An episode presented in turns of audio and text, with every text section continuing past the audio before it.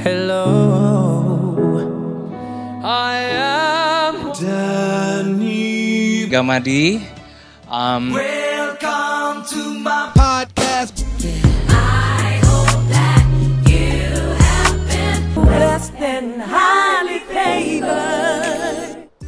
Hello, gua Denny Gamadi. Welcome to podcast series Finding Your Life Calling. Dan hari ini gue tidak sendirian, gue ditemani oleh seorang yang sangat populer di kalangan emak-emak, jombloan dan jomblowati.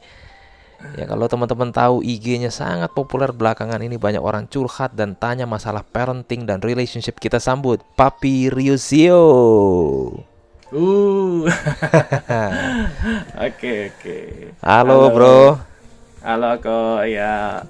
Apa kabar? Baik dong, seneng banget bisa connect sama lu di podcast kita hari ini. Papi Ryusio tuh nama aslinya siapa sih? Eh, Arif. Arif. Pasaran banget nama gua. Arif, bijaksana. Iya. Ah jauh kok jauh. Nah, sekarang ini kita lagi masuk satu series yaitu Finding Your Life Calling atau menemukan panggilan hidup kita. Mhm. Kalau teman-teman sekalian belum dengar series yang pertama yaitu Introduction, pastikan teman-teman denger dulu podcast Introduction itu baru kemudian dengerin podcast yang akan kita bawain dengan sangat seru pada hari ini.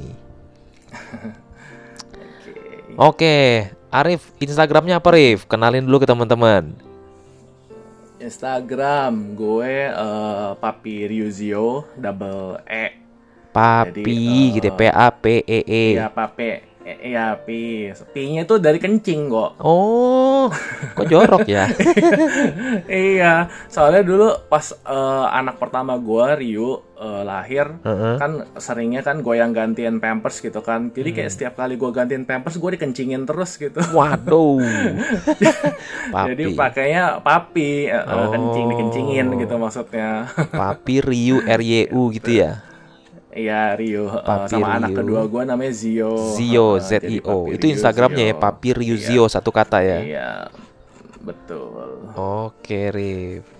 Nah, jadi gua menginterview orang-orang yang adalah praktisi di lapangan yang mengerjakan apa yang jadi life calling yang dia temuin dalam Tuhan.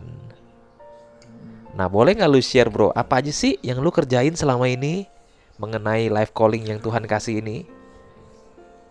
Oke. Jangan takut sombong ya, jadi kalau- ceritain semua aja.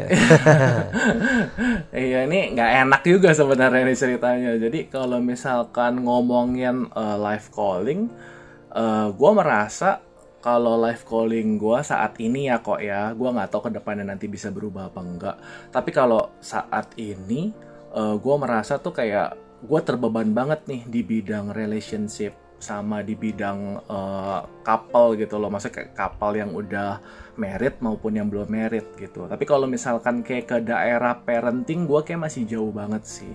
Jadi kayak gue uh, ngelayanin orang-orang uh, di Instagram yang merasa kayak butuh uh, dukungan, butuh curhat, butuh kayak uh, masukan-masukan gitu loh ya, bimbingan lah untuk gimana sih caranya punya relationship tuh yang baik dan benar gitu. Jadi kayak gue kasih mereka sedikit arahan lah dari pengalaman-pengalaman dan gue punya ilmu selama ini gitu. Tapi juga banyak juga uh, orang-orang yang memang udah terlanjur, terlanjur merit, terlanjur meritnya itu nggak bener, terlanjur udah menderita. Nah, gue sebut ini kaum TFC, gue bilang terlanjur fans club. Oh, Jadi itu kayak, TFC. Uh, jadi kayak uh, uh, mereka-mereka yang uh, tertipu lah sama lelaki yang janji manisnya itu banyak sekali, tapi ternyata udah merit se- setahun dicampakkan. Wadidaw. Ada juga orang-orang yang uh, MBA yang udah hamil duluan. Ada juga yang karena dijodohin. Wah banyak banyak banget dan gua uh, merasa di sini ada kebutuhan yang mendalam dari orang-orang yang seperti itu karena mereka itu nggak ada yang mau dengerin kok sama sekali Hmm. gitu. Jadi gue berusaha untuk kasih eh, materi-materi, kasih eh, kuping gue untuk gue dengar curhatan mereka dan ya kasih sedikit advice lah buat mereka. Hmm. Gitu. Jadi Itu waktu yang gue kerjain. Mm-mm. Hmm. Waktu lu lihat ada kebutuhan ini yang serius banget dan penderitaan orang Mm-mm. yang nggak main-main deh ya kalau udah ngomong relasi gitu Mm-mm. kan ya lu terbeban Mm-mm. buat terjun melayani mereka ya Mm-mm. Mm-mm. karena eh, sebelumnya kayak eh, gua sama istri gua eh, kita kayak berasa kayak lebih terbeban ke daerah ini memang gitu loh jadi kayak waktu di gereja ada beberapa couple muda yang coba cerita ke kita. Mereka punya eh, rencana untuk merit nih gitu loh. Tapi kayak punya problemnya begini begini begini kurang lebih gitu kan ya. Kita dengan senang hati dengerin gitu loh. Kita kayak kasih advice ya kalian eh, be careful ya kalau di daerah sini nih harus lebih banyak dating bla bla bla bla bla. Itu sebelum gua ngejalanin Instagram ini kok gitu loh. Jadi kayak sebelum di IG ini gue sama istri gue tuh emang udah udah ngelakuin ini underground gitu. Bukan di bawah eh, program gereja sama sekali. Jadi kayak gue sama bini gue tuh nggak ada mengatasnamakan gereja A atau B sama sekali. Nggak ada. Ini murni dari pribadi kita aja. Wow. Tuh padahal kan makan waktu makan energi. Mesti sabar dengerin Iya. cerita orang. Mm-mm.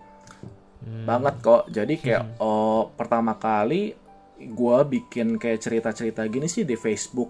Itu sekitar tahun 2017 gitulah. Terus ya karena satu dan lain hal kayak konsistensinya kurang gitu kan. Jadi kayak gue stop rehat satu tahun.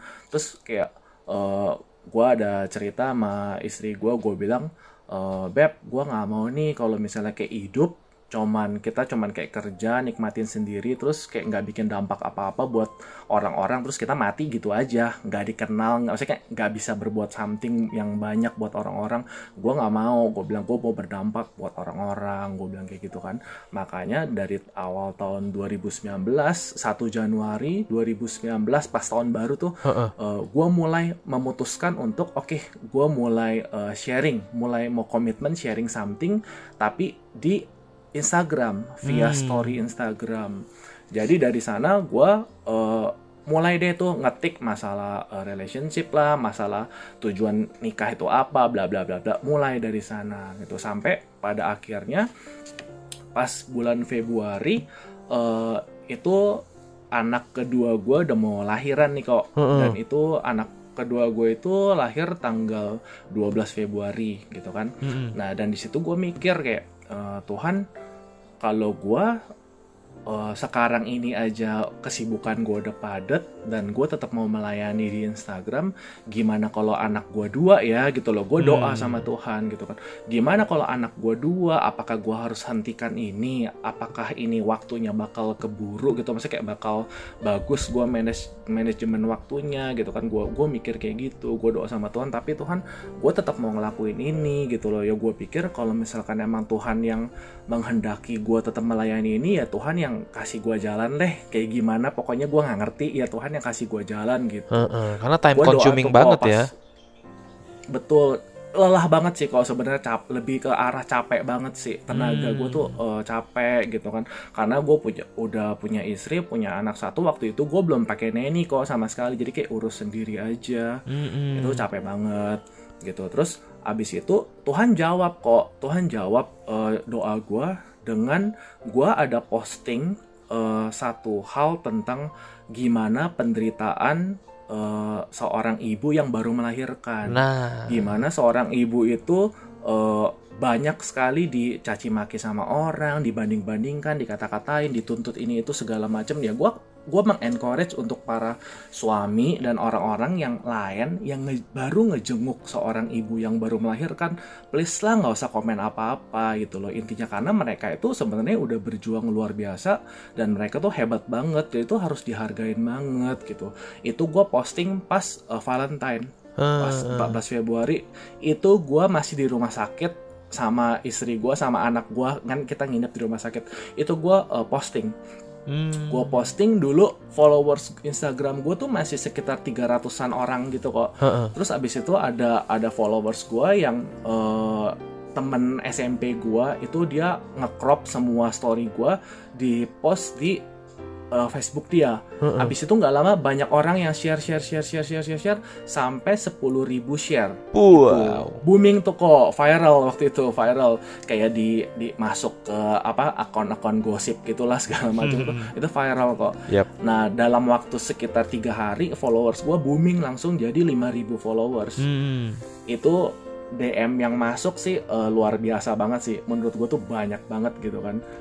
Itu udah sampai berapa ratusan DM gitu masuk ngedukung gua. Hmm. Ada juga, ada juga yang nggak setuju lah karena mungkin kata-kata gue tuh terlalu eh, berasa frontal nih, berasa kayaknya eh, keras banget nih didengarnya. Orang Indonesia tuh nggak nggak apa ya susah gitu kalau ngedenger kata-kata tuh yang kurang kurang enak didengar gitu loh. Kalau ini kan gue orangnya straight gitu. Kalau ngomong bla bla bla bla bla, orang-orang tuh belum tentu semua bisa terima kata-kata gue. I see. Gitu. Jadi kayak Boleh nggak kasih pro, contoh kata-kata ngegasnya kayak apa sih? Pengen denger kita. ya gue bilang kayak gini eh lu jadi jadi suami itu jangan cuman mikirinnya tuh istri tuh mikir otaknya tuh otak selangkangan gitu. Gua bilang jangan maksudnya lu jangan cuman mikirin all about sex doang karena pernikahan itu nggak cuman masalah seks doang. Gua keras gitu ngomong masalah itu. Jangan jangan bilang abis bini lu melahirkan terus lu kata-katain bini lu punya stretch mark lah jadi jijik lah apa gitu. Wah gue kesel dong. Mm-mm. gila lu lu mau nikahin eh, cewek lu cuman karena eh, abis melahirkan terus lu lepeh. Abis itu lu merasa kalau ya gue bebas. Kalau lu misalnya nggak nggak bisa ngejaga badan lu gue bisa kabur sama cewek yang lain. Gila itu sih. Hmm. gue bikin gue emosi banget sih. Itu banyak banget kok yang kayak gitu. Jadi kayak kata-kata gue cenderung frontal cenderung kasar itu untuk kayak nyentil orang-orang kayak laki-laki brengsek yang seperti itu. Menurut gue tuh laki-laki brengsek yang kayak gitu. Karena Oh, nggak punya oh. tanggung jawab.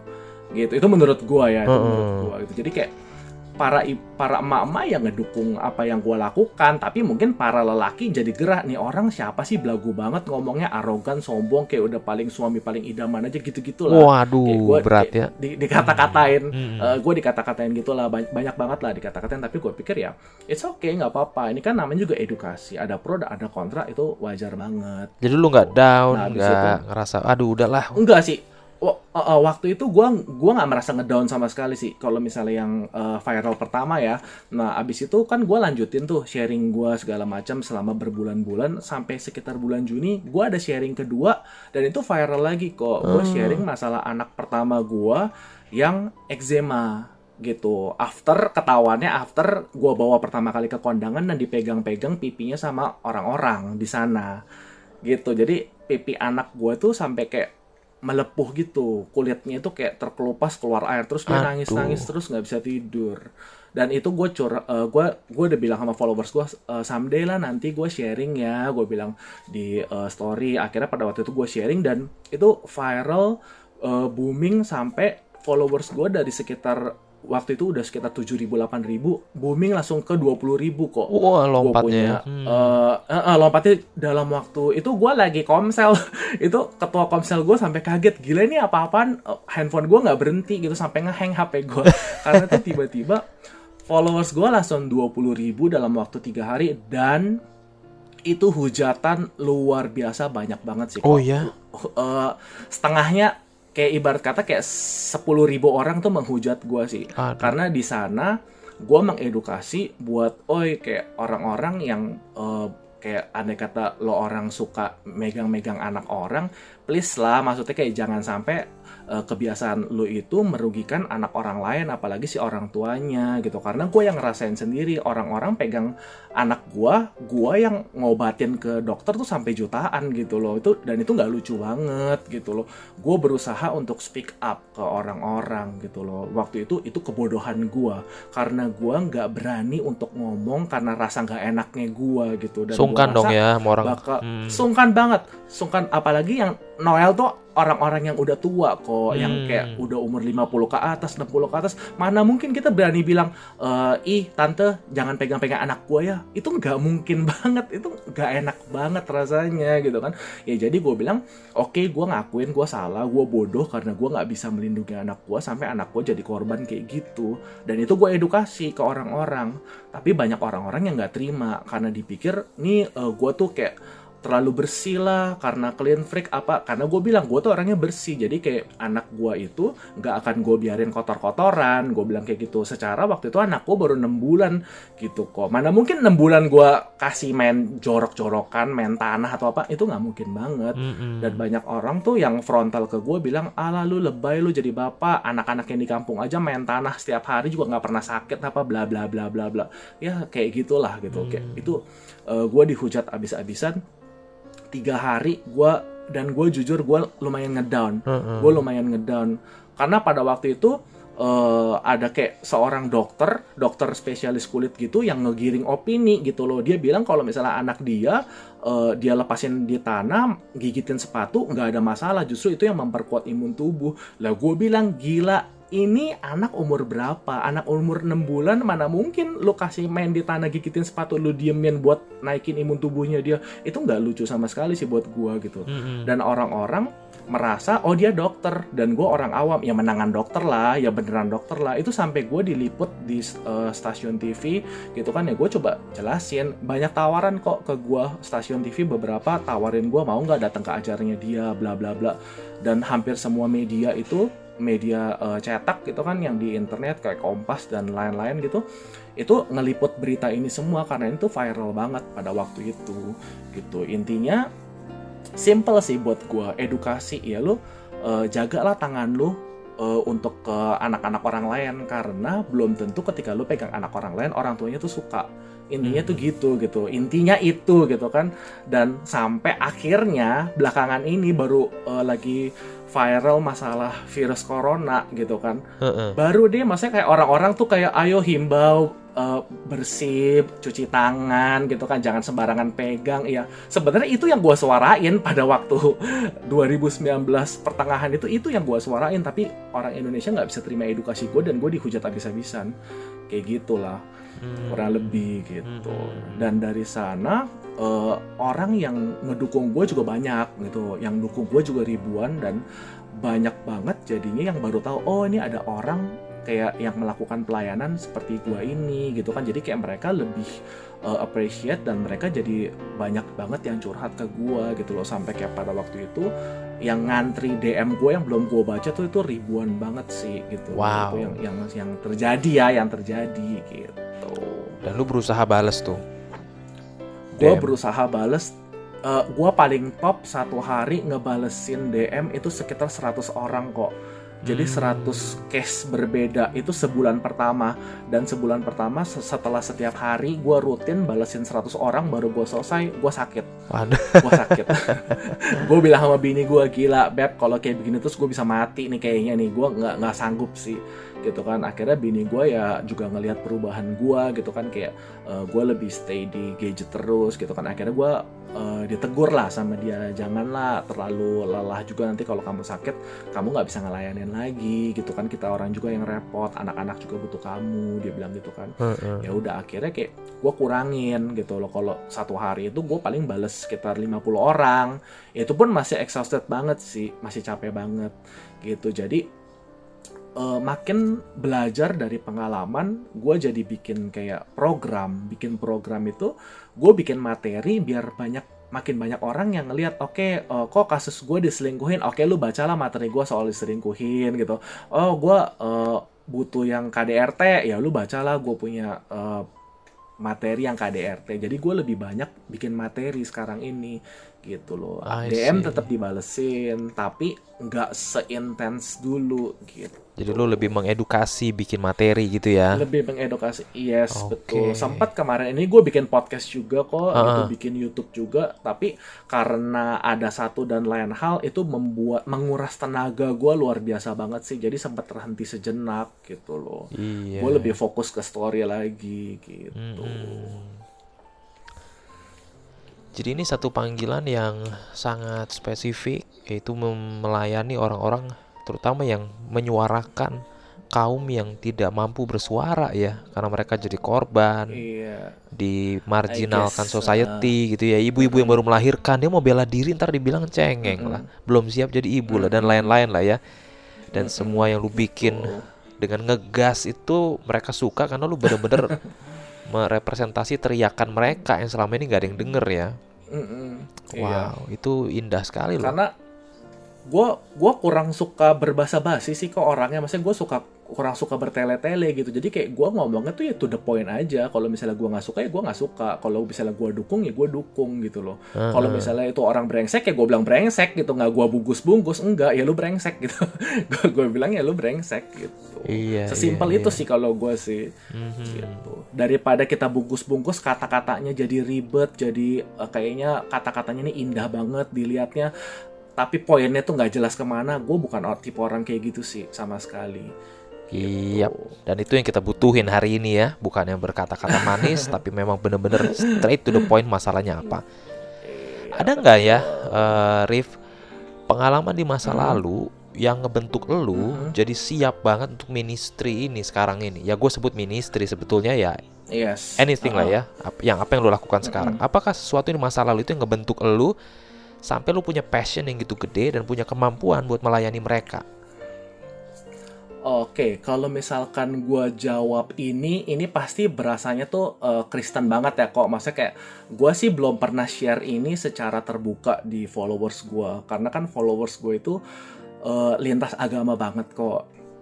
Eh, Koko nanya ada nggak eh, pengalaman hidup gua gitu kan yang bisa ngebentuk gua sampai sekarang? Ya justru menurut gua pengalaman-pengalaman hidup gue yang dari dulu itu tuh pahit banget bisa dibilang gitu. Bener-bener eh, pahit sampai ngebentuk gue sekarang ini gitu.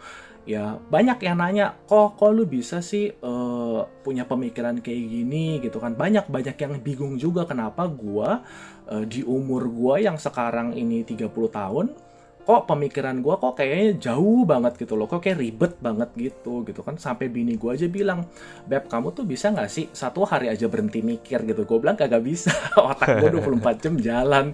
Nggak bisa gue berhenti mikir gitu. Jadi kayak eh dari kecil gue tuh udah berhadapan dengan kayak kedukaan gitu. Hmm. kayak bokap gue meninggal di umur gue 8 tahun. Wow. nyokap gue tiga bersaudara nyokap gue urus kita bertiga sendiri sama bantuan adeknya yang cewek gitu kan. Mereka berdua ngurus kita bertiga. Itu masih dalam masa labil. Engkau gue paling gede waktu itu umur 17-18 tahun. Itu sulit banget sih gitu loh. Dan gue tuh sebenarnya introvert kok.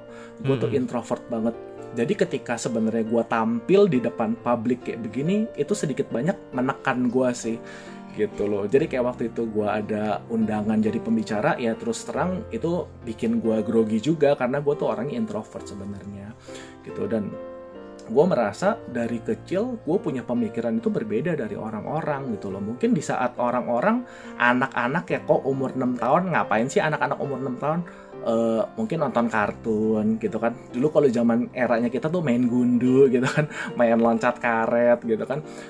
Lu mau tahu apa yang gue lakuin? Apa tuh? gua eh, gua eh, coret-coret di balik di bawah meja putih. Gua coret-coret pakai tulisan pensil gitu eh pakai pensil yang cetek-cetek zaman dulu gitu kan.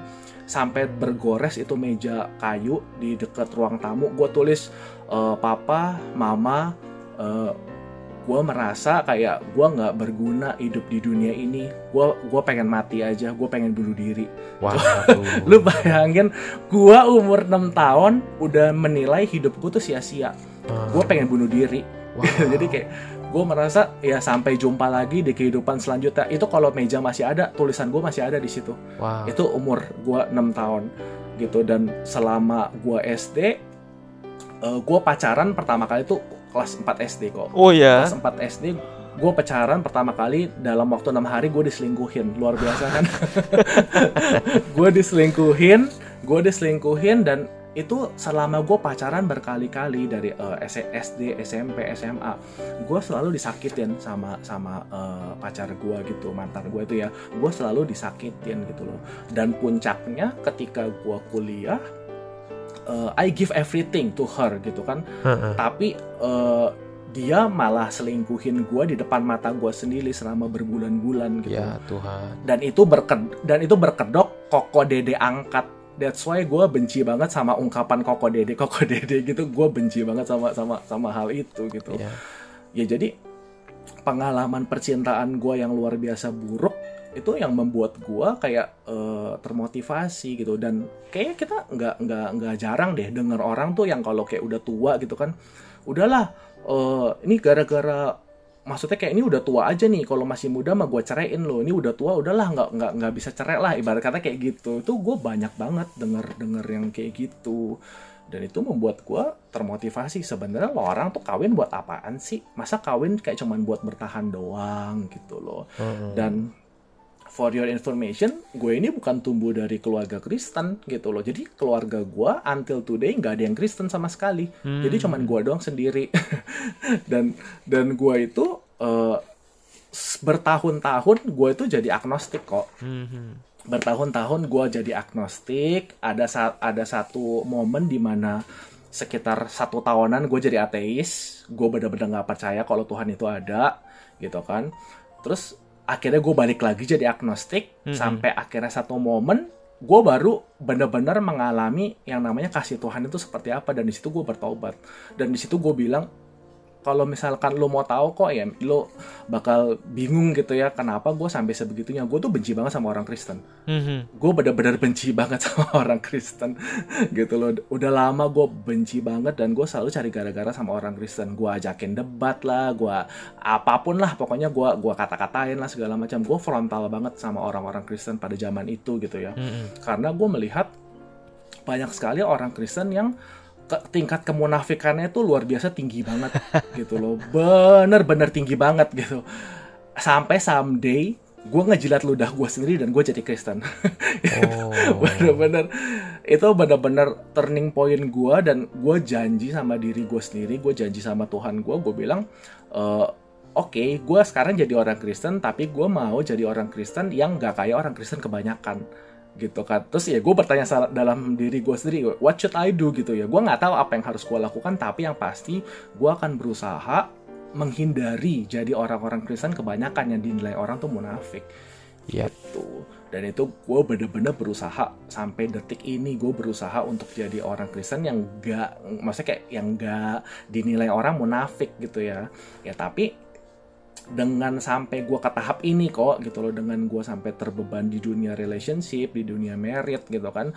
Semakin gue banyak denger cerita orang gitu kan. Gue denger cerita orang tuh kok udah ribuan something lah gitu kan. Gue denger cerita orang berbagai macam uh, konflik rumah tangga tentang anak tentang beda agama lah tentang masalah seks KDRT uh, ekonomi. Oh banyak sekali gue denger dari yang paling biasa sampai yang paling parah gue udah denger gitu kan. Heeh. dan gue menyuarakan isi hati gue gitu loh. Gue menyuarakan materi gue gue kasih tahu orang-orang kayaknya yang bener tuh yang seperti ini bla bla bla bla bla. Tapi tetap aja banyak orang yang benci sama gue jadi kayak gue di pelayanan ini tuh banyak banget kok yang benci sama gue sampai orang-orang yang ngatain gue eh dasar lo Kristen munafik nggak tahu diri gitu kan. Lu jangan tulis deh di bio lu tuh following Jesus lu tuh malu-maluin agama Kristen tau gak sih? Gue tuh Oh, dikata-katakin gitu tuh ya? banyak banyak sekali kok. Gue dikata-katain sama orang Kristen sendiri. Heeh. jadi satu hal yang gue pelajarin adalah lu nggak akan bisa memuaskan semua orang gitu, lu nggak akan bisa memuaskan kuping semua orang. Ya, dan itu gue belajar untuk rendah hati. Ya even Jesus aja juga ditolak kan di tanah kelahiran dia gitu loh. Jadi kayak ya siapa gue, gue bukan Yesus ya gue udah pasti ditolak lah gitu loh kayak. Waktu itu yang benar-benar menguatkan gue adalah eh, firman Tuhan yang bilang kalau ya lu jangan takut kalau dibenci karena Yesus pun udah dibenci terlebih dahulu gitu loh sebelum kita dibenci gitu kan itu yang menguatkan gue dan gue tetap berada di titik ini sekarang gitu Jadi waktu kita udah mulai jalanin panggilan Tuhan pun yang jadi berkat buat banyak orang pun tantangan itu nggak berkurang ya. Iya mak- makin nambah malah Oh, makin nambah ya. makin nambah Nyesel Iya. nggak dong kalau gitu? Bikin hidup Eh, jadi lebih dibilang susah. Hmm, dibilang nyesel sih enggak kok ya karena gue merasa joyful banget ketika ada orang lain yang bisa gue bantu yang bisa gue kasih masukan dan dia tuh say thank you-nya secara tulus banget sama gue dia say thank you sama gue dia say thank you sama istri gue karena kita berdua tuh pernah ada itu benar-benar membahagiakan gue sama istri gue banget sih.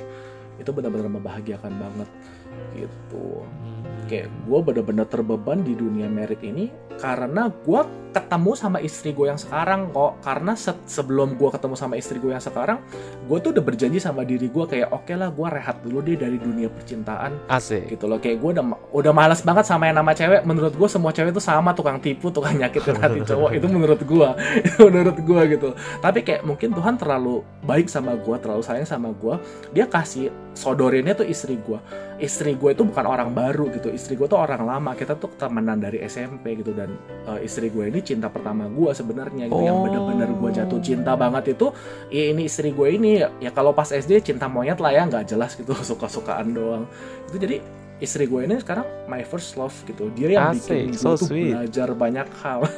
Dia yang bikin gue tuh belajar banyak hal banget sih. Dan Gitu itu ya. yang bikin gue mantep gue gandeng istri gue yuk kita sama-sama melayani orang-orang di luar sana yang memang butuh edukasi soal masalah percintaan ini Heeh. gitu Oke. Terus kayak di D- kayak di DM juga enggak cuma masalah percintaan kayak banyak juga orang-orang yang jadi nanya masalah agama sama gua gitu loh dan Heeh. puji Tuhan ya gua tetap mau melayani mereka sih gitu loh jadi kayak banyak juga yang eh, ngajakin debat lah minta pertanggungjawaban soal eh, penjelasan masalah dari Kristen gimana lah siapa itu Yesus bla bla bla bla, Oh bla. ya, sampai sejauh itu ya. layanin itu sem Mm-mm. Eh, jauh banget sih. Itu sampai banyak orang yang nggak senang sama gua ngajakin debat, ngajakin ribut juga ada sih. itu banyak banget. Oke, nah sebagai orang yang udah lama masuk di dunia relationship, masalah-masalah pernikahan dan cinta dan keluarga, kira-kira ada nggak usulan eh, bidang-bidang apa yang berdekatan yang masih butuh digarap sebetulnya? Barangkali dengan lu sebutin ide-ide ini, teman-teman pendengar sekalian bisa terinspirasi lalu berkata, nah itu bidang gua tuh, gua bisa coba garap itu tuh. Nah, apa aja sih yang kira-kira masih bisa digarap?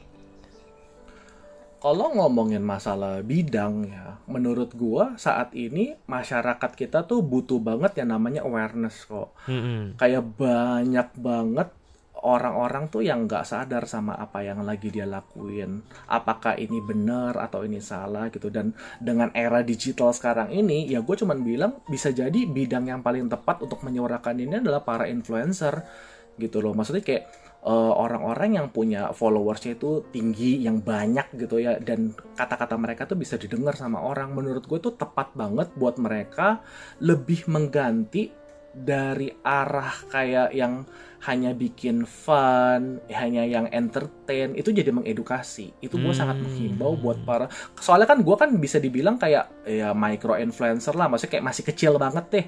Oh, masih masih suara gue tuh masih nggak berpengaruh kok buat orang-orang gitu. Tapi kayak kalau orang-orang yang followersnya udah 500k gitu kan, udah satu juta orang, ketika mereka ngomong A, itu semua followersnya bisa ikut A. Mereka ngomong B, semua followersnya bisa ikut B. Dan kita di dunia ini butuh orang-orang yang seperti itu yang untuk mengedukasi betapa pentingnya sih kayak pacaran sehat, betapa pentingnya eh, milih-milih pasangan, jangan asal udah umur mepet siapa aja digandeng. Itu penting banget karena per 2018 angka perceraian di Indonesia itu mencapai sekitar 420 ribu kasus kok kasus Wow. perceraian. Eh, lebih tepatnya 419 ribu something dan itu kalau kita hitung satu tahun segitu satu bulan itu sekitar 35 ribu kok Wow. satu harinya itu ada seribu lebih Seribuan. bayangin Hmm. setiap hari ada seribuan lebih pasangan yang bercerai di Indonesia itu doang. betap- di Indonesia doang dan itu betapa ngasih lihat kalau kita punya warga itu sangat minus di edukasi tentang pernikahan. Banyak Hmm. orang yang asal nikah aja, abis itu ya udah tinggal cerai doang kok gampang ganti lagi pasangan. Itu banyak banget yang kayak gitu. Mereka tuh nggak sadar kalau menikah itu cuman apa emang one way ticket gitu. Mereka nggak tahu itu. Dan gue butuh kayak banyak influencer untuk menyuarakan ini supaya apa? Ketika kita punya hubungan suami istri yang baik, maka kemungkinan besar hubungan keluarga kita juga baik. Maksudnya kayak anak-anak juga jadi melihat orang tuanya itu baik, sehingga memotivasi dia untuk punya pasangan yang baik juga, membangun keluarga yang baik juga. Kalau itu sih pendapatku seperti itu. Mm-mm. Gitu. Oke teman-teman sekalian hari ini kita belajar banyak dari Papi Ryusio atau Arif Follow Instagramnya, follow YouTube-nya Dan jadilah edukator juga untuk masalah-masalah yang sering kali orang anggap gampang Orang pikir semua orang tahu Tapi damage-nya bisa seumur hidup Dan seperti tujuan dari podcast series kita yaitu Finding Your Life Calling Gue mau ingetin lagi bahwa tujuan kita adalah agar anak muda terinspirasi untuk berkarya sesuai dengan panggilan yang Tuhan letakkan di hati mereka. Anak muda menemukan life calling mereka dan anak muda berkolaborasi jika ada bidang-bidang yang serupa. So thank you so much Arif for your time. Yep. We have a great time Thank you, today. Ko. Nah, semoga apa yang dilakukan terus makin rame, makin mengedukasi, dampaknya besar dan juga dilindungi daripada tantangan-tantangan yang gak jelas itu ya dari orang-orang ngaco yang asal ngomong ya. Aduh, bikin ribet. Oke guys, sekian buat hari ini podcast kita. We check out. Gua Denny Gamadi. Ya, thank you so much, Bu Arif. See you dalam podcast kita yang berikutnya. God bless you.